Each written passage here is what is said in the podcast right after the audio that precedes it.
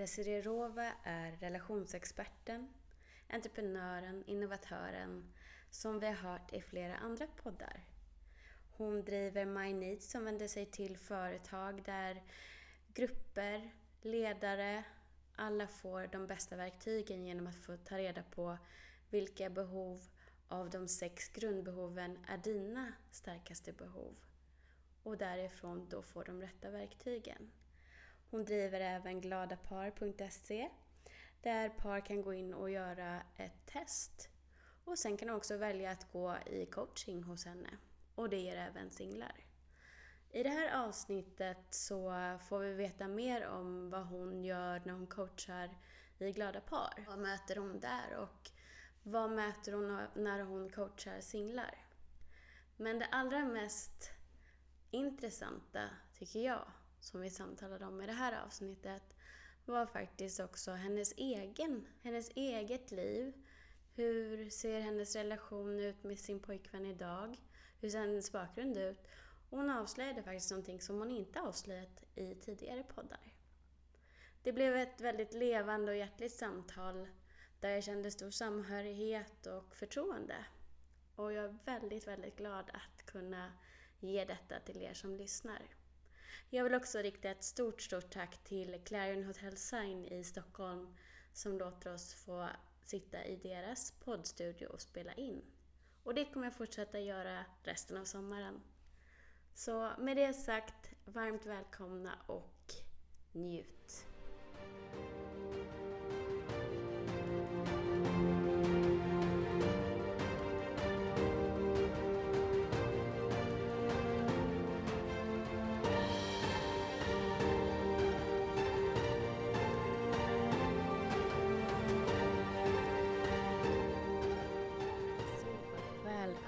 Tillbaka till Bakom fasaden-podden.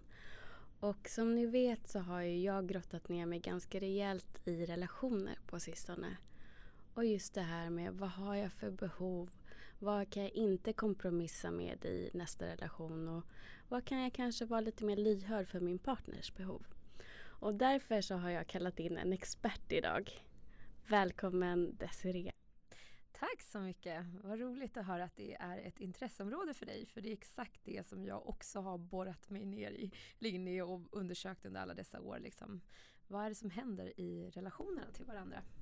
Och just med behov är ju då ditt, ditt specialområde kan man väl säga. Ja, verkligen. Eh, psykologiska behov. För det finns ju massor av olika behov som man talar om idag i samhället. Men just psykologiska behov tycker jag är jättespännande.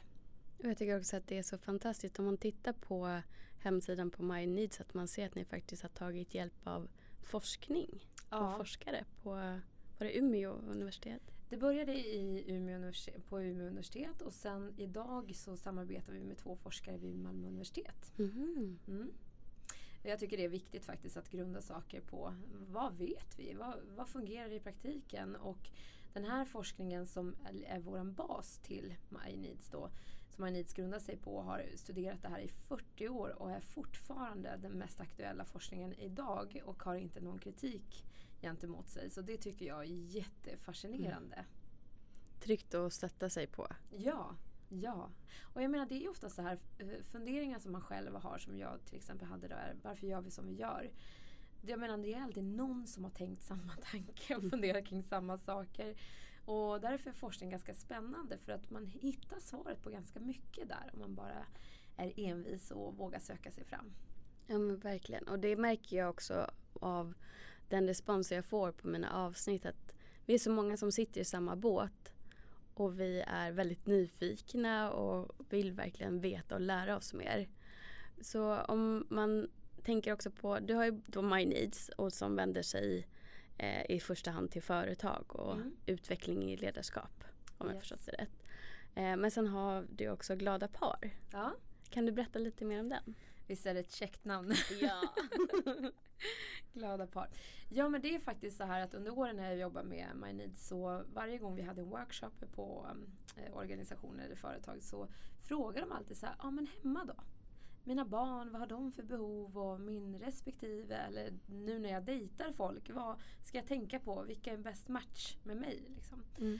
Och eh, med åren så kände jag att alltså jag måste ge dem någonting för de slutar inte tjata om det här. och då byggde jag Glada Par som då är en digital eh, relationstjänst kan man säga som hjälper en att i första hand identifiera vad har jag för behov? För de här är ju omedvetna för oss människor i och med att de kan stå i konflikt med varandra. Ofta så gör de det mer eller mindre. Alla har en viss konflikt i sina behov. Och eh, att ta reda på dem hjälper en väldigt mycket när man just har kanske kommit ur en relation och funderar så här, ah, men vad är viktigt för mig? Vem är jag? För ofta så har man ju formats av mm. sin partner och tänker att är det här jag? Eh, som jag hade som exempel när jag separerade med min dotters eh, pappa. Så, så tyckte jag, trodde jag att jag tyckte om att baka och sådana här saker. Men sen när jag kom ur relationen så var det så här, men gör jag det egentligen på riktigt? Var det att du hade anpassat dig efter vad du trodde att han ville ha? Ja precis, han, den här liksom, för det är ju det vi gör utan mm. att tänka på det. Och det är mm. lätt att vi också tappar vår riktning i livet när vi anpassar oss för mycket och inte förstår vad, liksom, varför gör vi det här? Mm. Och därför tycker jag det är så behjälpligt att få den här testen helt gratis eller, och det här resultatet att få veta liksom, att, men vad är mina behov? Vad är viktigt för mig? Och sen också kunna bjuda in då helt kostnadsfritt också. Det är ju därför vi vill hjälpa dem. Eh, sin omgivning, sina vänner, sina respektive, kanske sina ex som man har ett barn med. Bara för att ta reda på ja, men hur kan vi göra det bra för vårt barn mm. eller våra barn om man har separerat. Eller om man dejtar att ta reda på okej, okay, vad, vad ska jag gå på? Ja. Kan jag stå ut med de här behoven liksom? Eller vad behöver jag tänka på? Ja, och det är väldigt pricksäkert. Jag gjorde testet efter jag hade hört dig i Så kan det gå-podden. Ja. Och jag kände mig verkligen nej men gud, vem, är det som har läst min dagbok? Alltså det var verkligen sådär så att det var brutal sanning på något Aha. sätt. Men samtidigt vet jag, jag har ju insikter om att jag vet att jag kan eh, vilja bidra för mycket. Att det blir lite att jag anpassar mig eller overplease eh, på något sätt. Att jag måste vara insiktsfull hela tiden och se balansen så att det inte blir att jag blir helt utbränd för att jag bara ska finnas till för andra eller min mm. partner. Just därför att jag tycker så mycket om att få bidra. Ja. Visst är det fascinerande. Jag har ju också bidra som behov eh, om vi ska prata om behov då. Ja. Eh, och det där var ju en insikt att man mår ju bra av att bidra. Men det är också det här att det får inte bli overdose som mm. jag brukar säga. Att man måste hitta en bra nivå så att det inte tar ut en. För det som man oftast tycker om att göra är ju också det som kan slå över åt andra sidan också. Mm. Så det gäller ju att finna den där balansen där. När man gör, eh, eller om du har ett par då som kommer till dig. Mm. Och får de göra det här testet då initialt eller ska de ha gjort det innan? Eh, ibland så har de gjort det på plats eh, eller så gör de det innan och börjar där på den vägen och börjar bara föra en dialog om det. Och sen så vill de jobba vidare oftast med det lite senare. Men det är ofta så är det via Myneeds som många kommer in, så här, VDR och så, som blir så här, okej, okay, vänta nu, hemma tar väldigt mycket energi just nu, det som händer här hemma. Eller jag jobbar väldigt mycket och hur ska jag få stöttning hemifrån så att det är okej? Okay, mm. Så att inte jag försummar min relation och mina barn. Och då brukar det oftast leda till att de bara, men du Desirée, skulle inte vi kunna göra lite My Needs-terapi? Mm. som är då baserad på också glada par då. Eh, och det är ju fantastiskt att kunna se familjer som haft väldigt svårt att förstå varandra helt plötsligt liksom komma till insikt och få ett gemensamt språk mm. kring vad som är viktigt för dem.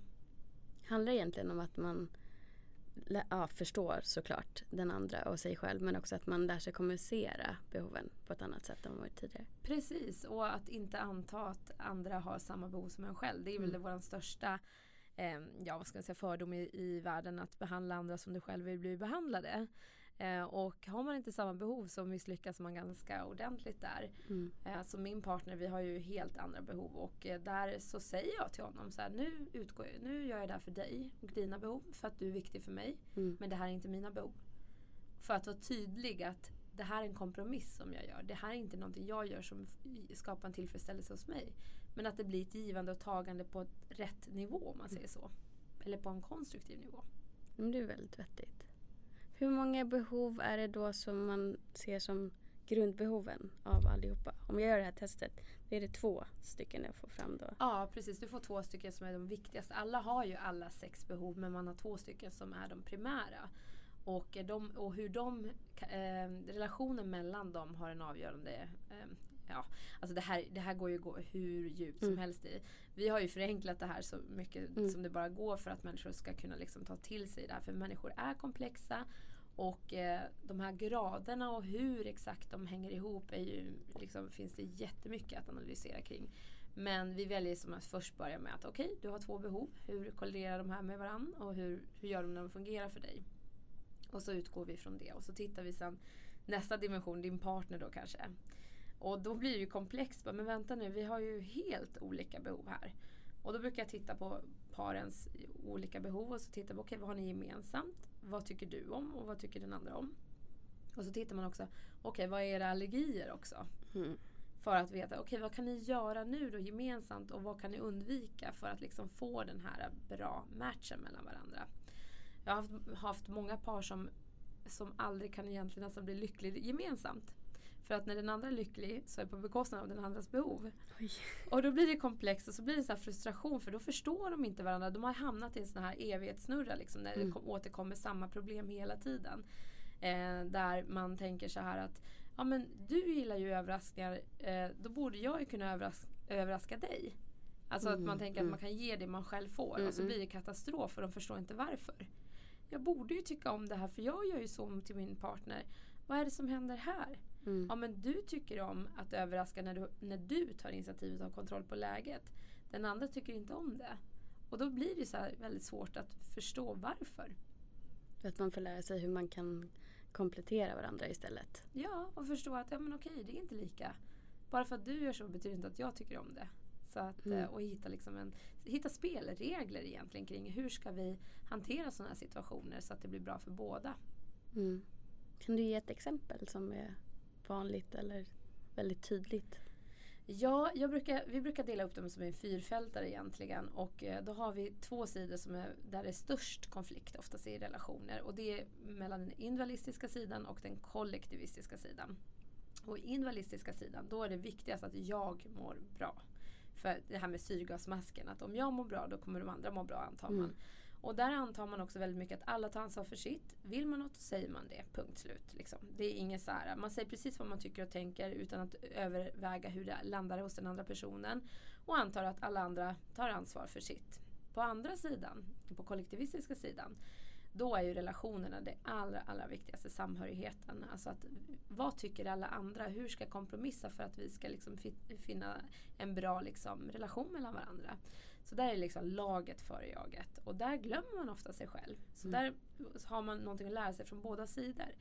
Och då förstår du att när de här två sidorna möts så blir det en ren konflikt. För man har massa fördomar gentemot varandra. Att att eh, ja, men de som har individualistiska behov de är bara egocentriska och de på andra sidan, på individualistiska sidan tycker att de är så himla omständiga om sig och kring sig och säger aldrig vad de vill. Och, så att, men sen har vi också ett, ett parti i mitten som har både och eh, utveckling och samhörighet. Mm -hmm. Som förstår båda sidorna och försöker tolka däremellan. Och, och det jag försöker hjälpa folk med, med de här spelplanerna att gå över på andra sidan och inse att det är inte fel att vara på någon av sidorna. Utan det handlar om att skapa förståelse. Och båda sidorna har sina superkrafter och här handlar det om att kalibrera dem. Och vara lite nyfiken på just som du säger hur man kan använda sig av den andra. För ja. det som dyker upp i mitt huvud det är ju den här som säger Du tänker bara på dig själv. Och ja. den andra bara Ja men du kan ju aldrig ta egna beslut. Du ska alltid höra vad alla andra tycker. Att det blir liksom där är krocken. Exakt. Och det är ju oftast, vi attraheras ju oftast till partners som inte har våra egna behov. Mm. Eh, för att det är oftast det vi har fått kritik för i livet, alltså det vi inte är lika bra på. Till exempel, jag har ju då bidra utveckling så jag får ju oftast kritik kring att ja, men du har ingen struktur Desirée, det är ingen ordning och reda. Liksom, allting är så spontant och i, i känslan liksom, just här och då. Och då är det klart att jag blev tillsammans med min dotters pappa som var högt på trygghet. Och var ju liksom riskminimerarens mästare. Liksom. Och eh, i början så är det ju jätteattraktivt att ha en partner som är, kompletterar en på något sätt. Men under resans gång när jag började liksom hitta strategier för att hantera trygghet så börjar jag känna att ah, vi är väldigt olika varandra. Och då börjar ju det gnisslet uppstå som, som inte fanns där i början. För att man ser saker utifrån helt olika perspektiv. Mm. Ja, jag tänker för de som inte känner till de här, nu bara pratar vi om behoven mm. utifrån att vi känner till dem. Men för de som lyssnar nu, är det, det är sex stycken mm. vi pratar om. Kan du bara ta en liten genomkörare där? Ja, precis. Eh, som sagt, alla har två stycken som är viktigast för en. Men om vi börjar liksom i det finns ingen speciell ordning eller följd eller sådär. Eh, de som har utveckling, det är de som går igång på mål och resultat. Det är ett ganska vanligt behov i Sverige, just där Vove, Villa, Volvo kanske privat. Eller att jag ska ha mål med de sakerna jag jobbar med. Att jag vill känna att ja, men det här bidrar till ett resultat och, och så vidare. Och det är de enda som går igång på mål och resultat. Och det är lite spännande med tanke på vårt samhälle som är helt uppbyggt på det. Att jaha, vad ska ni göra nu då? Är det dags att skaffa barn? Eller ska ni flytta ihop? Eller vad ska ni göra nu då? Eller på jobbet? Okej, okay, nu har du jobbat här i tio år. Vad är nästa steg då? Det är liksom det vanliga sättet att, för dem att tänka. Det är ganska intressant när de möter en person som inte har utveckling som behov. Bara, du har jobbat i 25 år, hur tänkte du här? Bara, ja, men jag trivs att jobba här. Liksom. Det är inget fel med det. Sen har vi då samhörighet. Eh, samhörighet också det vanligaste behovet i Sverige. Eh, och många i världen också såklart. Men om vi tittar på Sverige som mm, land. Mm. Och det är de enda som egentligen tar hänsyn till relationerna. På riktigt. Okay. Eh, som tycker att det här med inkludering är viktigt, lika för alla. Eh, att eh, liksom känna in den här känslan i rummet och det här oförstådda. Liksom, så bara, underförstådda. vad är det Helena gillar för någonting? Eh, Okej, okay, jag kanske ska göra mer så och så. man har ju liksom ögonen mer på andra än sig själv. Så att de är fenomenalt duktiga på att komma ihåg barnens namn och alla de här högtidsdagarna och sådana saker som en annan som inte har samhörighet glömmer hela tiden. Och jag är så imponerad av det. Och det kan jag också tillägga att varför är det så att vi kommer ihåg det då, de som har samhörighet till exempel. Det är ju för att det triggar en känsla. Varje gång dina behov blir mötta, som är dina primära, så triggar det igång dina hormoner i kroppen som skapar en känsla. Vilket gör att en känsla är ju det vi kommer ihåg om vi är arg eller glad. Det är de liksom två mm. triggerserna som uppstår då när dina behov blir mötta. Så du kan ju undersöka också i dig själv. När blir jag oftast glad eller arg? I vilka situationer? Och vilka behov är det som är sammankopplade då? Är det samhörighet eller utveckling? Eh, om vi går då vidare till eh, variation eh, så går man igång på risker och effektivitet och testa nya saker. Här finns det ingen konflikträdsla överhuvudtaget utan snarare att det är mer spännande med konflikter och testa nya saker och bara shit happens. Ja men okej, okay, vi körde i diket men ja, vi kanske hittar en spännande lösning ur det här oftast de här som berättar om när allting gick åt helvete. Liksom, historia. Ja.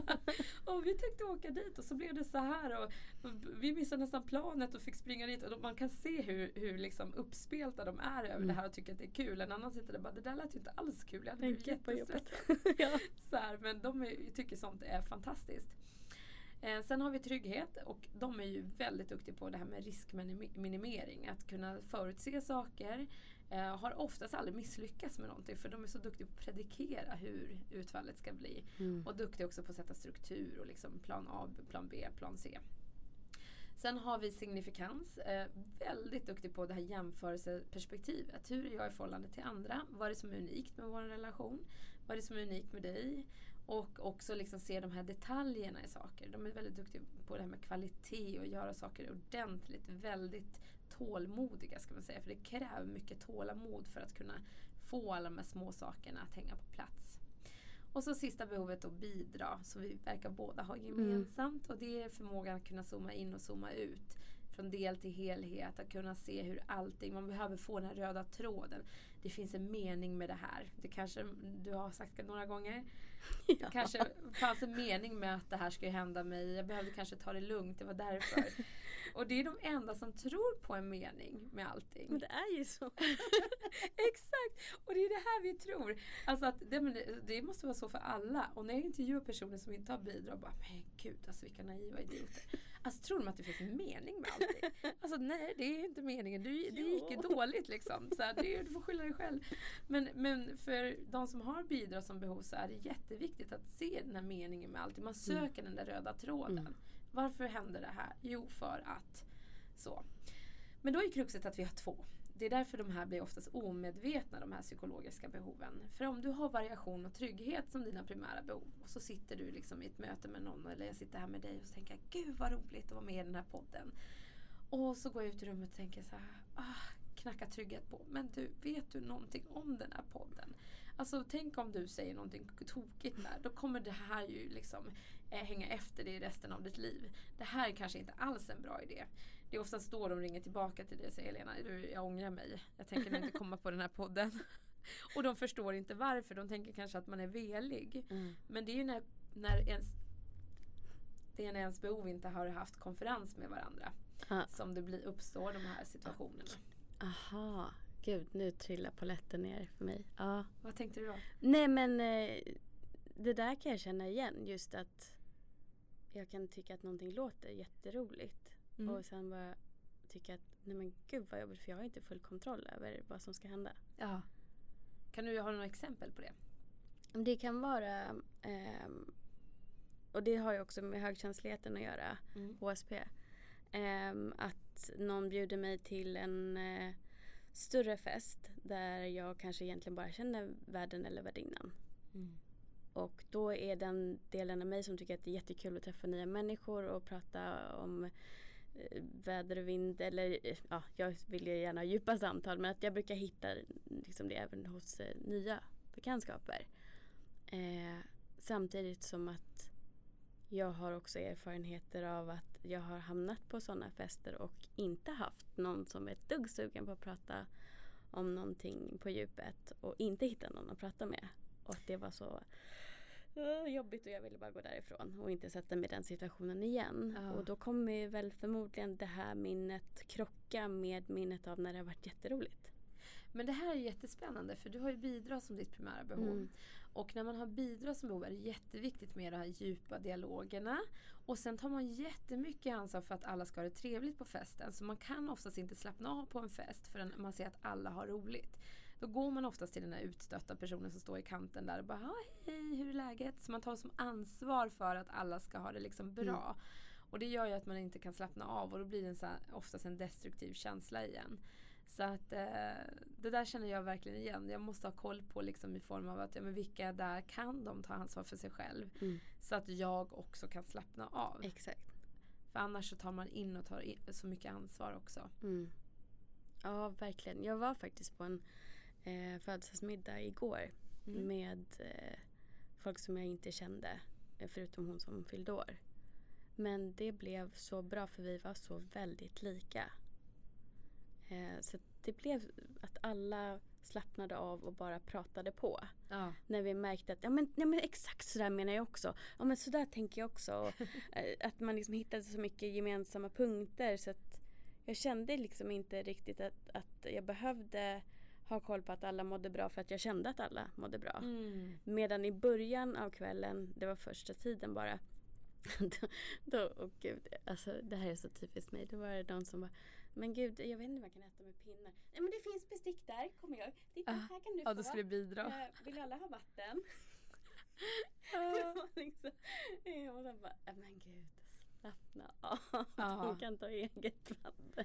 Alltså det där, men det är ju det är autopiloten som kickar in i sina behov där. Att man tar sig an den rollen som har skapat en positiv känsla någon Mm. gång i olika situationer. Att det är ju så man uppskattar själv att bli bemött för då känner man sig inkluderad i ett sammanhang och då går man in i det där.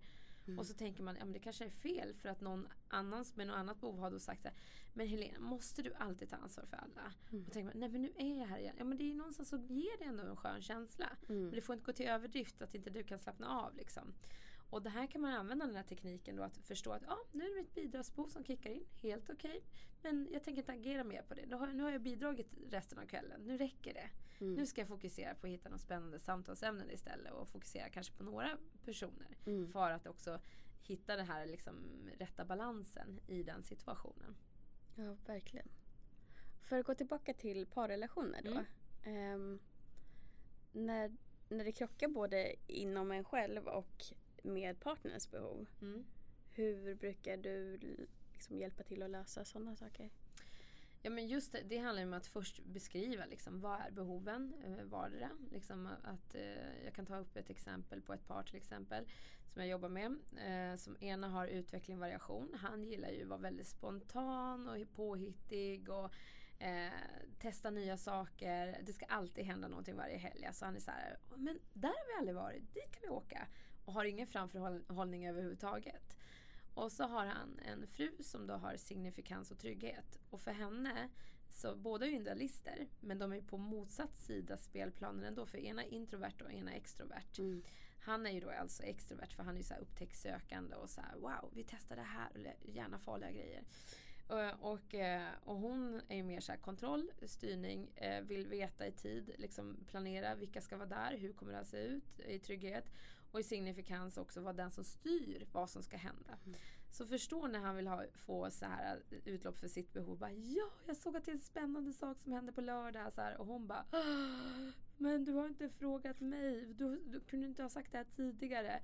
Och då blir det ju liksom en konflikt där. Och då att förklara liksom att du vet, jättekul att du kom på de här bra idéerna. Liksom, så här, men du kanske ska göra det med någon annan. Om du ska göra det här med din partner så är det ju bra om du har i alla fall en veckas framförhållning. Kan vi komma överens om det? Så att hon får möjlighet att ställa om liksom, och vara förberedd på det här. Och även så kom de fram till att ja, men hon är väldigt duktig också på att hitta på saker. Och det är lättare för henne att vara spontan om hon själv får ta beslutet. Mm. Och det förstod, hade inte han förstått under de här 20 åren att det var det det hängde på. Han tänkte att hon kan ju bara få för sig saker, att vi ska göra grejer. Då går det bra och jag är alltid på. Jag bara, men det är det som är så fantastiskt. att Där kompletterar ni varandra för att du är ju så flexibel när hon kommer på saker. Men hon behöver däremot mer framförhållning. Att vi är olika här. Mm. Vad kan ni göra där ni båda inte har de här kraven på varandra? Till exempel.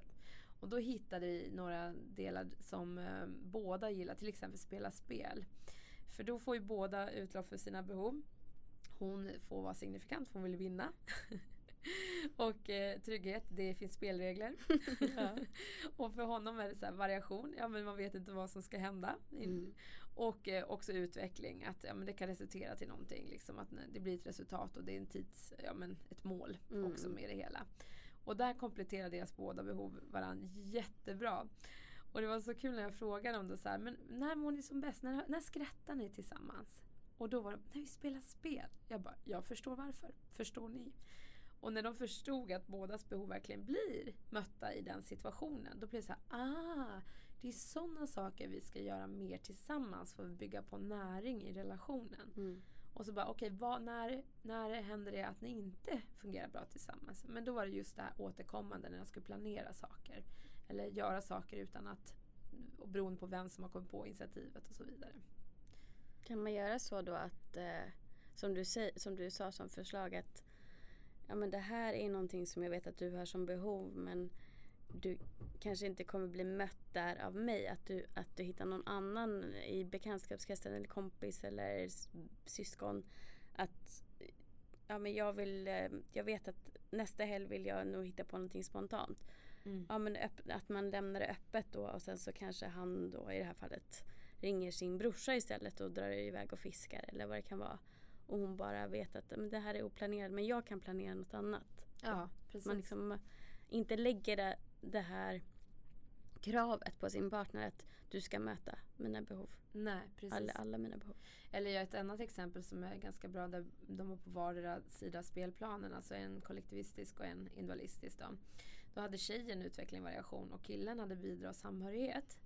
Och han ville ju, det var ju viktigt för honom med familjetillställningar, man höll ihop, gjorde allting tillsammans och hon kände ju sig så kvävd och mm. tyckte liksom måste vi alltid göra allting tillsammans? Uh, kan inte du göra saker för, sig, för dig själv och så vidare? Och uh, då kom det en dag när det brast för honom och det var, han kom till ett biobesök faktiskt. Mm. För då hade hon alltid bestämt film och de hade kollat på bio då tillsammans när de var utan barn. Och den här gången hade han velat för första gången någonsin bestämma en film. Och hon bara nej, skittråkig, då kan du gå själv så går jag och shoppar under tiden. Och han blev så upprörd. Alltså han, han brukar inte bli upprörd normalt mm. men han blev så upprörd. Mm. Herregud, alla gånger jag sett på filmer som jag inte ens vill se för att vi ska göra det här tillsammans. Bidra till samhörigheten ja, då. Ja. Och hon bara, varför har du gjort det? Nej, men, för hon bara, jag skulle aldrig göra det jag har inget problem med att inte du följer med mig på bio. Alltså jag menar, va, vadå? Va, varför, varför? Och så kommer det ju fram att han till och med tatuerar in en hel sliv på ena armen för att hon hade sagt vid något tillfälle att ja, men det är så attraktivt med killar som har en sån här tatuering över hela armen. Han bara, jag vill inte tatuera mig men jag vill göra det för din skull. Det var som en överraskning. Wow. Och hon bara, va? Och så sen äh, så kommer det upp mer och mer under det här terapisamtalet då att han var så besviken att inte hon ville umgås med alla hans kompisar. Och då förklarade jag för dem att ja, men, den här tjejen då i relationen, hon, hon vill ju mer ha utvecklande dialoger, de här som är äventyrliga och hittar på saker. Och för han spelar det ingen roll vilka de umgicks med för det handlar om samhörigheten mer. Att ja, men de här, det är våran krets, vi Mm. ska vara tillsammans med dem. Och då fick vi sätta oss ner och skriva ner på papper. bara Okej, vilka tycker du är viktigast till den här tjejen? Ja men de här är roliga. Och de här tycker jag om. Men de andra, nej då, då, då, vill, då klarar jag mig utan. Alltså, jag kommer vara så dränerad. Så jag kommer inte vilja, liksom, vi kommer inte ha en trevlig kväll om vi ska umgås med dem efteråt. För att jag kommer vara helt slut. Mm.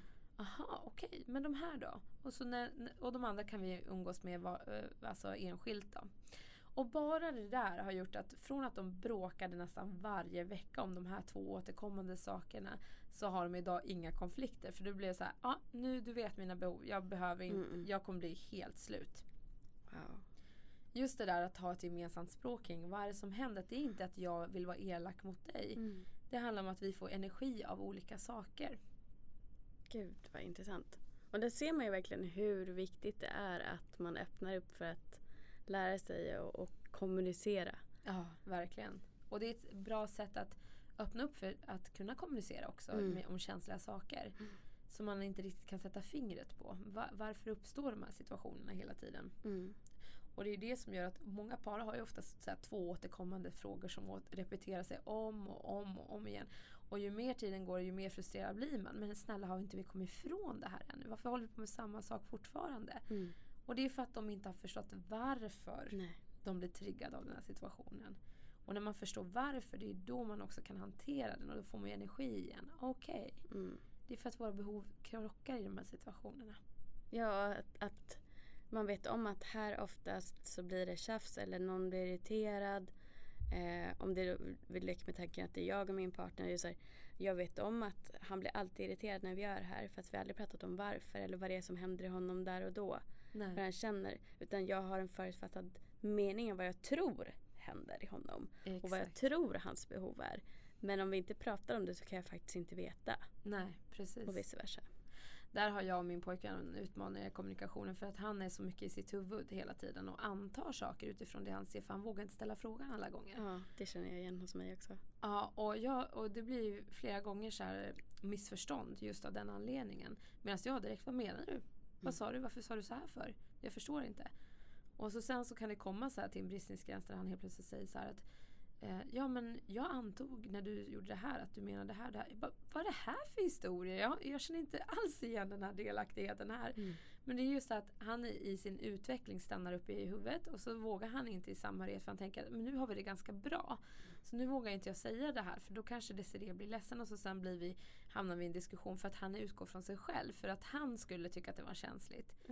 Gud, Men- vad jag känner. Ja. och jag tycker att det är då vi verkligen kommer på djupet och det börjar bli intressant i relationen. Så att jag har verkligen fått jobba med honom och säga det är då du connectar med mig. När Ja. du vågar säga de här tuffa grejerna till mig. Det är då jag känner connection. Det är då jag känner mer kärlek. Det är då vi blir starkare tillsammans. Mm. Medan han bara va? För mig är det inte så. Jag tycker det är jätteläskigt. Mm. Nej men det är det. det är, jag, jag, alltså jag förstår honom 100 procent. Men jag vet ju också att jag övade lite på det också i en relation jag var i tidigare.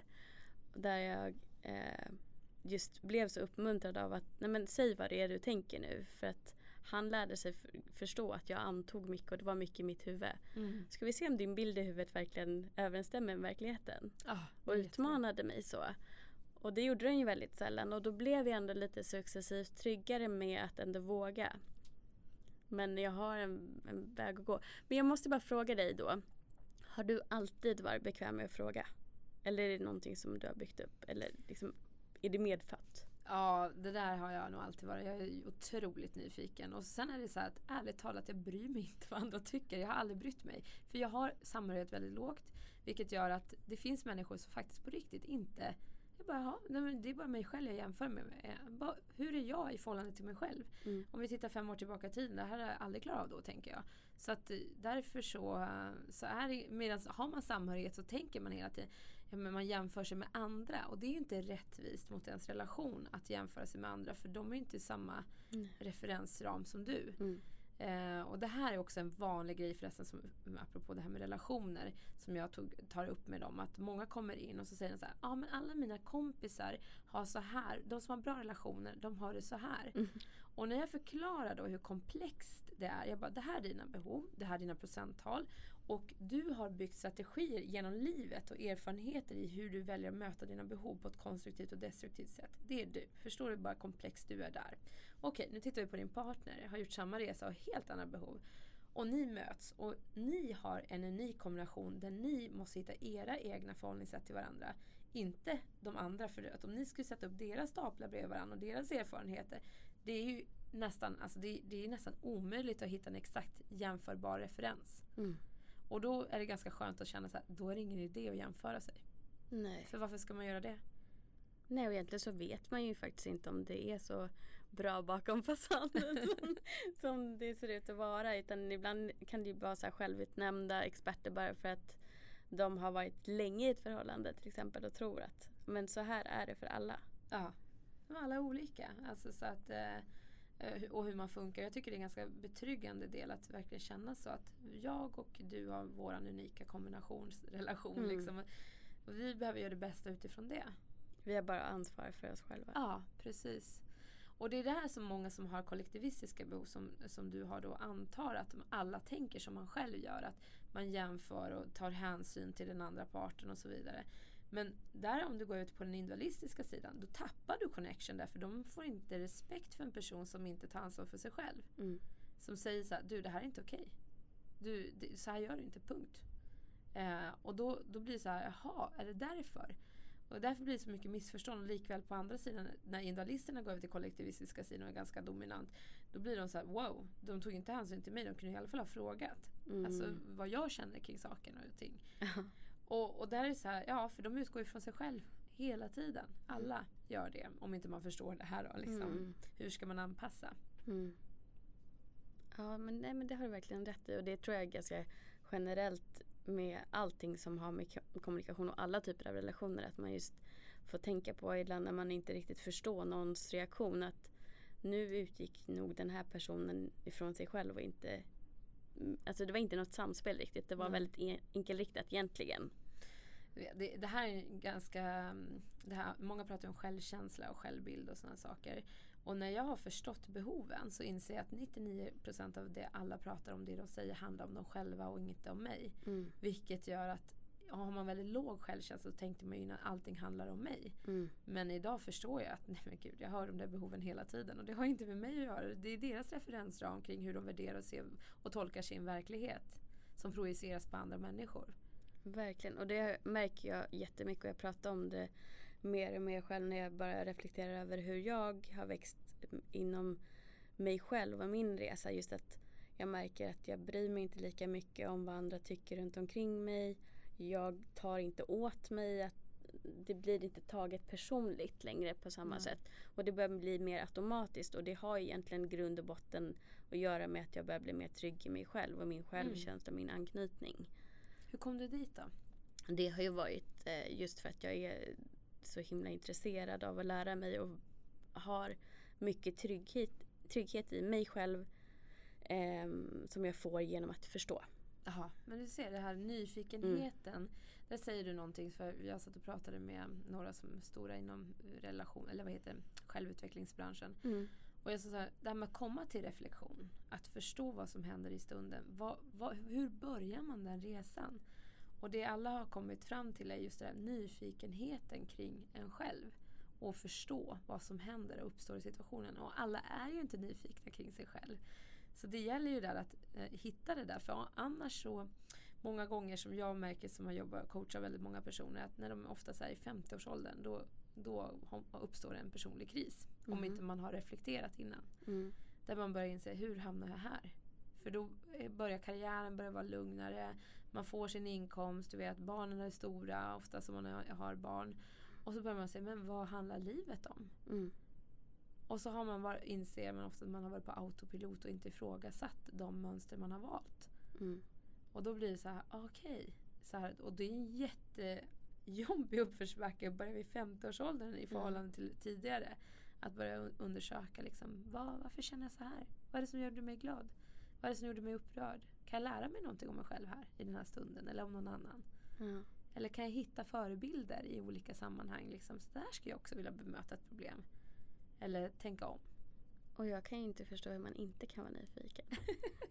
så, så att jag blev bara så här fascinerad. Jag sitter och bara tankar for iväg och jag såg liksom någon, just den här jag gör samma sak varje dag. Jag ja. äter samma frukost varje dag.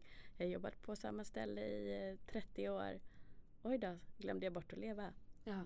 Och det är det som jag bara vägrar. Oj, min pojkvän är så. han har ju ändrats nu. När jag träffade honom så var han så här, jobb, eh, fjärrkontrollen, barn, jobb, fjärrkontrollen, barn. Alltså du vet så här, jag bara, jaha men dina intressen då? Han bara, intressen? Så här. Eh, men det var så roligt för att bara att det öppnade upp den här världen för honom. Att han bara kom och bara umgicks med mig och började följa med mitt mönster. Så blev det som att han bara, oj, jag vill börja träna jag vill börja göra det här. Alltså han blev inspirerad av mig mm. och nu har han ju jättemycket intressen och hobbys och sådana saker och engagerad i, ja det har gått så fort, alltså vi har bara träffats ett år och redan har han liksom bytt jobb, han har eh, fått en helt ny kropp, en hälsa. Alltså allt har förändrats. Inte att jag har sagt någonting, bara att jag öppnade Inspirerat. upp. Ja, ja. Jag öppnade upp för andra möjligheter. Han är fastnat i den här liksom, eh, ekorrhjulet. Och jag tror att det är väldigt, väldigt vanligt.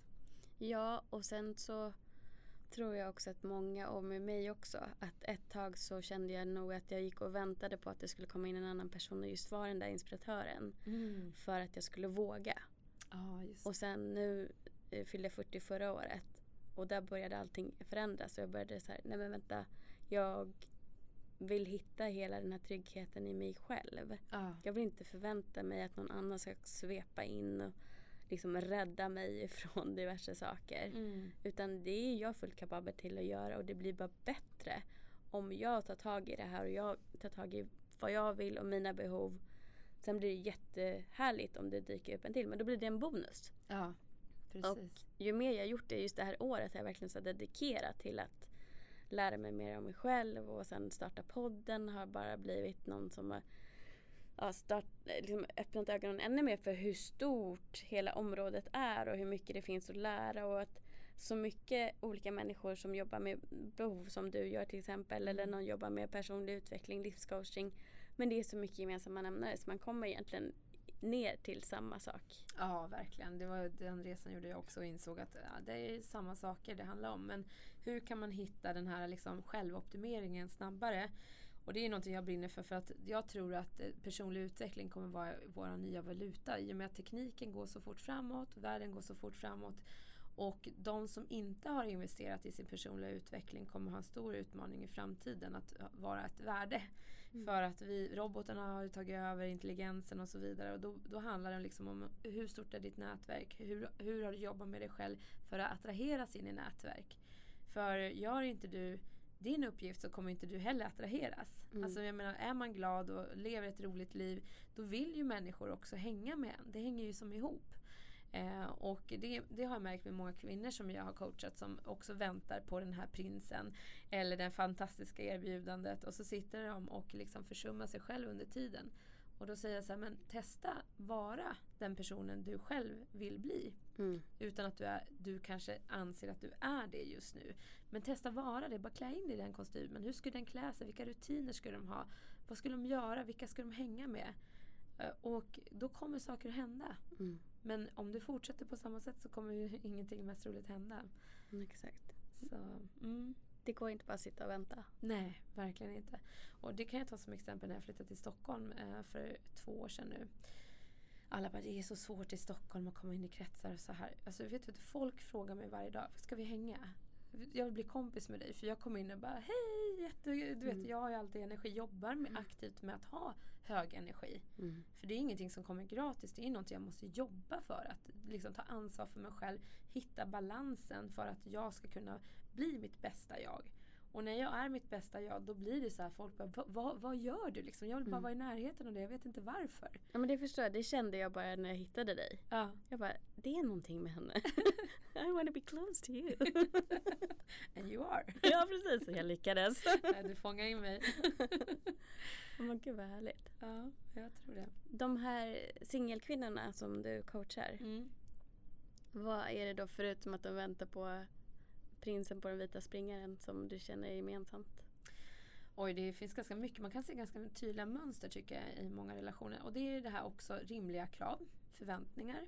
Och också så märker jag att många förväntar sig att sin partner ska vara perfekt från början. Mm. Eh, som när jag träffade Anders, han var ju verkligen inte det jag hade tänkt mig om jag ska utgå från referensram. Men jag valde att inte tänka referensram utan tänka att jag vill ha en snäll, godhjärtad människa. Det kommer man väldigt långt på. Och det var det jag såg, jag såg hans hjärta. Mm. Sen var han kanske inte i den, den vanliga paketeringen som jag brukar se normalt. Men idag så kan jag inte tänka mig någon annan för att han liksom har alla de här egenskaperna, nyfikenhet, alltså, alltså att han adapterar lätt in i nya, vill testa nya saker. Vilket har gjort att han har blivit en optimerad person på ett år som jag aldrig sett hos någon annan. Så att det är det där att hitta rimliga förväntningar och också jobba med sig själv. Att inte bli den här desperata personen som ska ha allting på en gång. Liksom. För det är inte attraktivt. Och inte tro att eh, den personen du träffar på en gång är någon som du verkligen vet vem det är. Utan Nej. man lär sig med tiden. Man ser hela tiden nya sidor hos varandra och hos sig själv också. Ja, verkligen. Och det är ju lite kul så här, nu när man har gått på några miner i livet, i relationer också, så, eh, så är det många som frågar nu varför bor ni inte ihop? Så här, ni har ju varit ihop ett år. Och så jag bara nej, för att vi är så långt ifrån varandra att bo ihop just nu. För vi har helt olika syn på uppfostran. Vi har två barn på var, eller vi har två barn men olika. Mm. Och, eh, och just det här med våran ordning hemma och så vidare. Och då har jag sagt så här till, till Anders då att innan vi ska flytta ihop då behöver vi kalibrera där.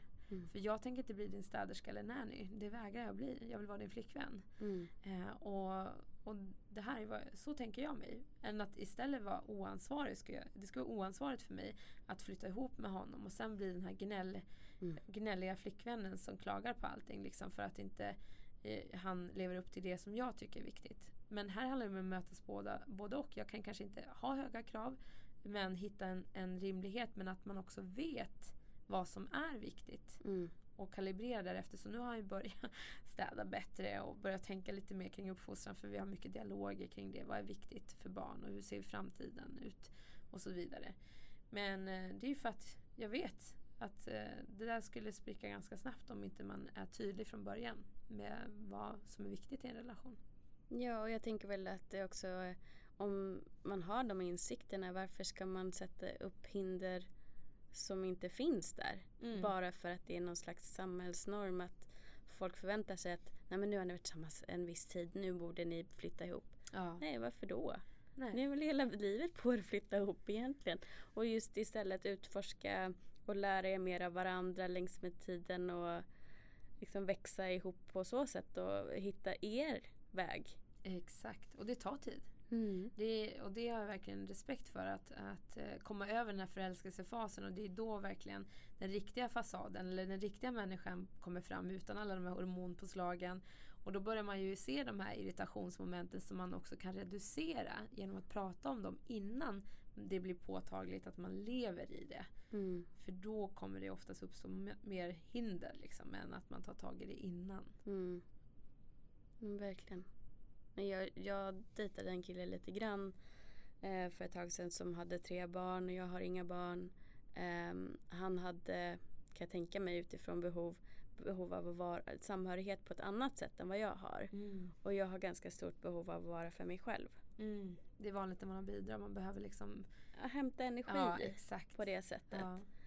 Och han började prata väldigt tidigt om att eh, ja, men skulle du kunna tänka dig flytta ihop och sådana saker.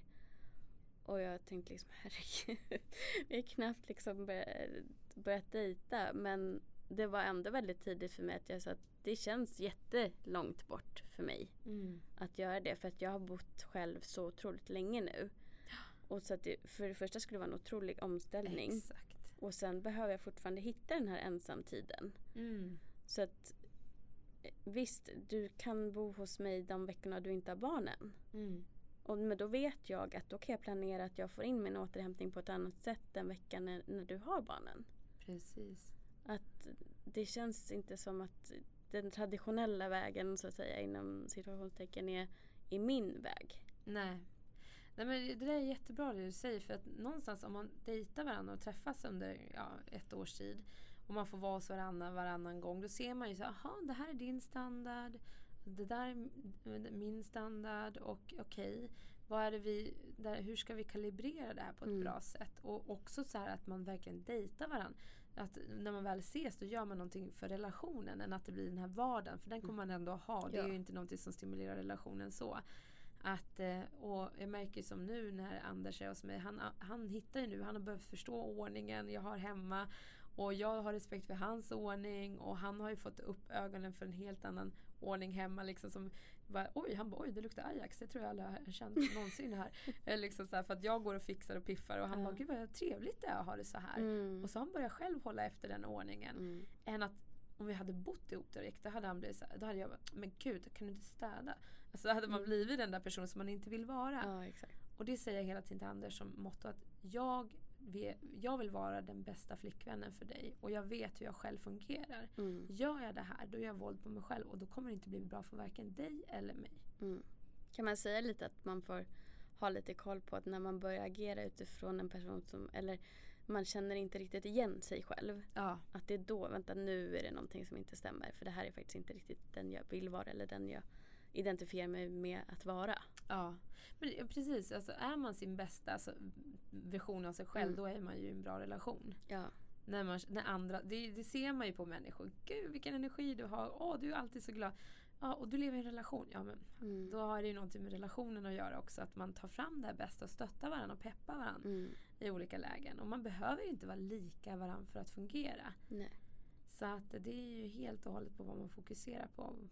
Och sen är det ju, sen apropå relationer så tycker jag också det handlar om lite olika nu, nu är jag i det läget att jag söker inte en pappa till ett barn. Ju- då, då har man andra kvaliteter Mm. tycker jag oftast man söker efter när man var yngre. När Mm. man tittar så här, ja men, ja men han har bra gener, han skulle jag kunna tänka mig att skaffa barn med. Nu tänker man livspartner. Alltså, Ja. För när man är yngre tänker man ju inte hela livet. Det är ju så Mm. långt bort så det blir inte verkligt. När man tänker livspartner tänker man, men vad, vem, vad vill jag ha för liv sen då när, när allt det här, när barnen är stora och, man har, och det är bara vi. Mm. Hur vill jag leva mitt liv då så att jag kan känna en fullkomlighet? Mm. Eller om man väljer att inte skaffa barn, att båda är med på den. Ja, Och att man då också redan kanske tidigare ser det ju- det just som en livspartner. Vill, Mm. vill vi båda resa, vi kanske vill skaffa något boende säsongsvis utomlands eller mm. satsa mer på karriären, kanske jobba tillsammans. Ja, Sådana saker. Ja, det väl bra att du påminner om att andra. Alltså, såklart, barn är ju inte en självklarhet för alla. Eh, och det var det inte för mig heller kan jag säga. Utan det var mitt ex som fick mig över på den sidan. Men, men just det där att jag gillar att tänka långsiktigt i allting. Okej, vad betyder det här om 20 år? Mm.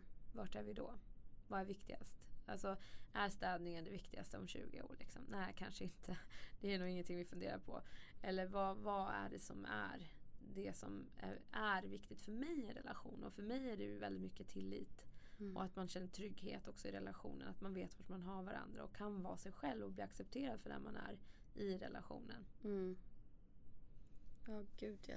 Jättetydligt också när man hör andra och de frågorna som jag får också med, med just relationer. Och då, då, då brukar jag säga att jag sitter ju inte på någon facit. Jag har ju precis suttit och erkänt att jag har försökt att göra allt för att inte gå in i relationer efter en destruktiv relation i väldigt lång tid.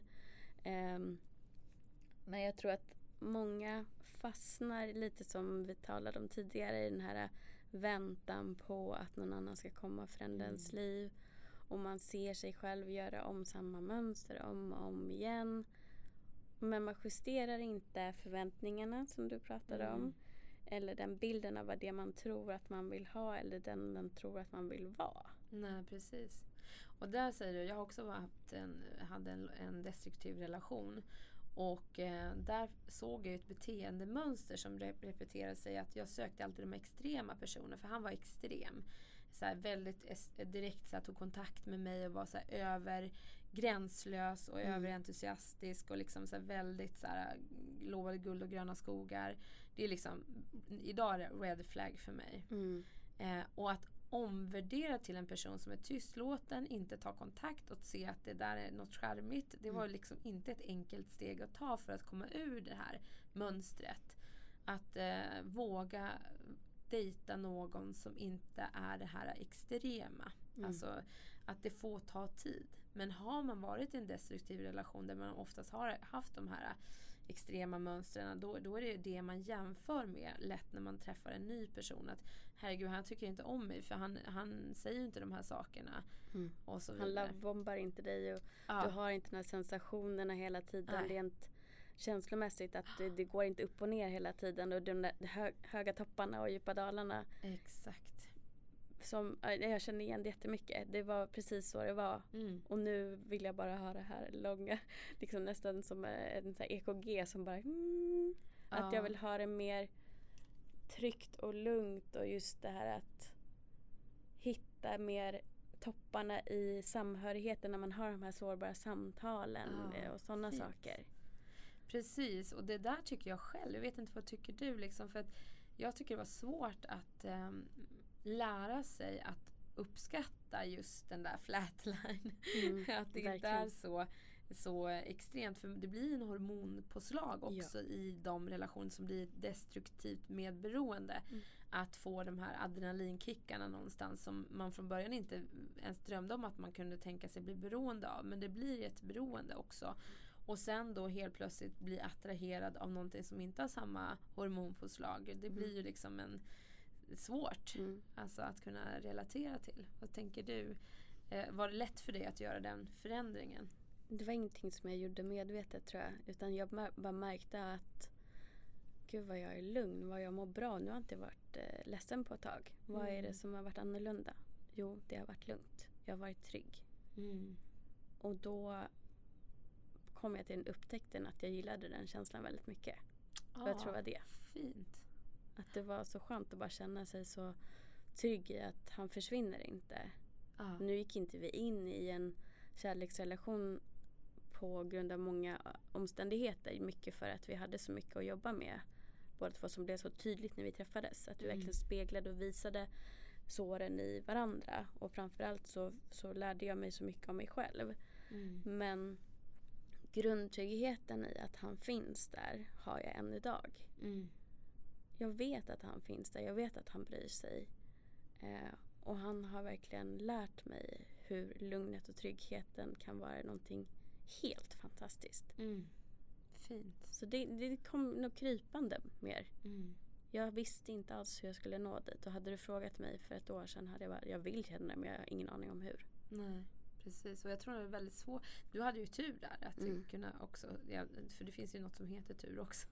att träffa en person som ändå visade den vägen också. Mm. Uh, för alla har ju inte den möjligheten själv. Och speciellt inte nu med, när det är de här apparna, det snabba som triggar de här adrenalinpåslagen. Liksom att det ska snabba kickar snabbt, det ska gå fort och man ska avgöra direkt. Och om man inte man hör av sig inom en timme, man kör det. Alltså, yeah. Så det är den här hetsen hela tiden. Att man träffas inte heller på ett normalt sätt längre som det var förut. Mm. Så um, ja. Nej, men det känner jag. Och nu träffas ju inte vi längre. Men um, jag känner också när jag går tillbaka till de här apparna. Bara, jag stänger ner dem lika fort. Och nej. Nej, nu, nu är jag kär i min podd här ja. just nu. Det, för att nu är jag i den här lugna känslan Skönt. och vill behålla det. Och är du i bra, ett bra rum med dig själv då kommer det landa mm. bra med någon annan person som är på rätt frekvens om man säger så. Ja, just nu vill jag bara leva. Mm. Och nu är det sommar och det finns massa roliga saker att göra och jätteroliga möten. Eh, jag ska åka till både Malmö och Göteborg bland annat och träffa tjejer som jag har poddat med. Så det ska bli super, super Men kul. gud vad roligt. Ja, jag kan tänka mig det. Att vi ska faktiskt, jag ska också starta, eller jag har startat en podd så här, men vi har inte satt igång ännu. Så att jag tycker just det här är så spännande att få träffa och prata med andra människor. Ja, superkul. Hur ser din sommar ut? Ja, jag ska vara mycket med min dotter. Hon bor uppe i Umeå så hon kommer hit. Vi träffas ju inte lika ofta på grund av avståndet. Mm. Men hon kommer vara här i tre veckor nu här i juli. Så vi ska väl försöka. Jag jobbar faktiskt väldigt mycket med att vara närvarande på sommaren. Att inte planera så mycket utan mm. okej, okay, idag är det fint väder, då gör vi det. Mm. Och det gör ju att det verkligen blir avkopplande.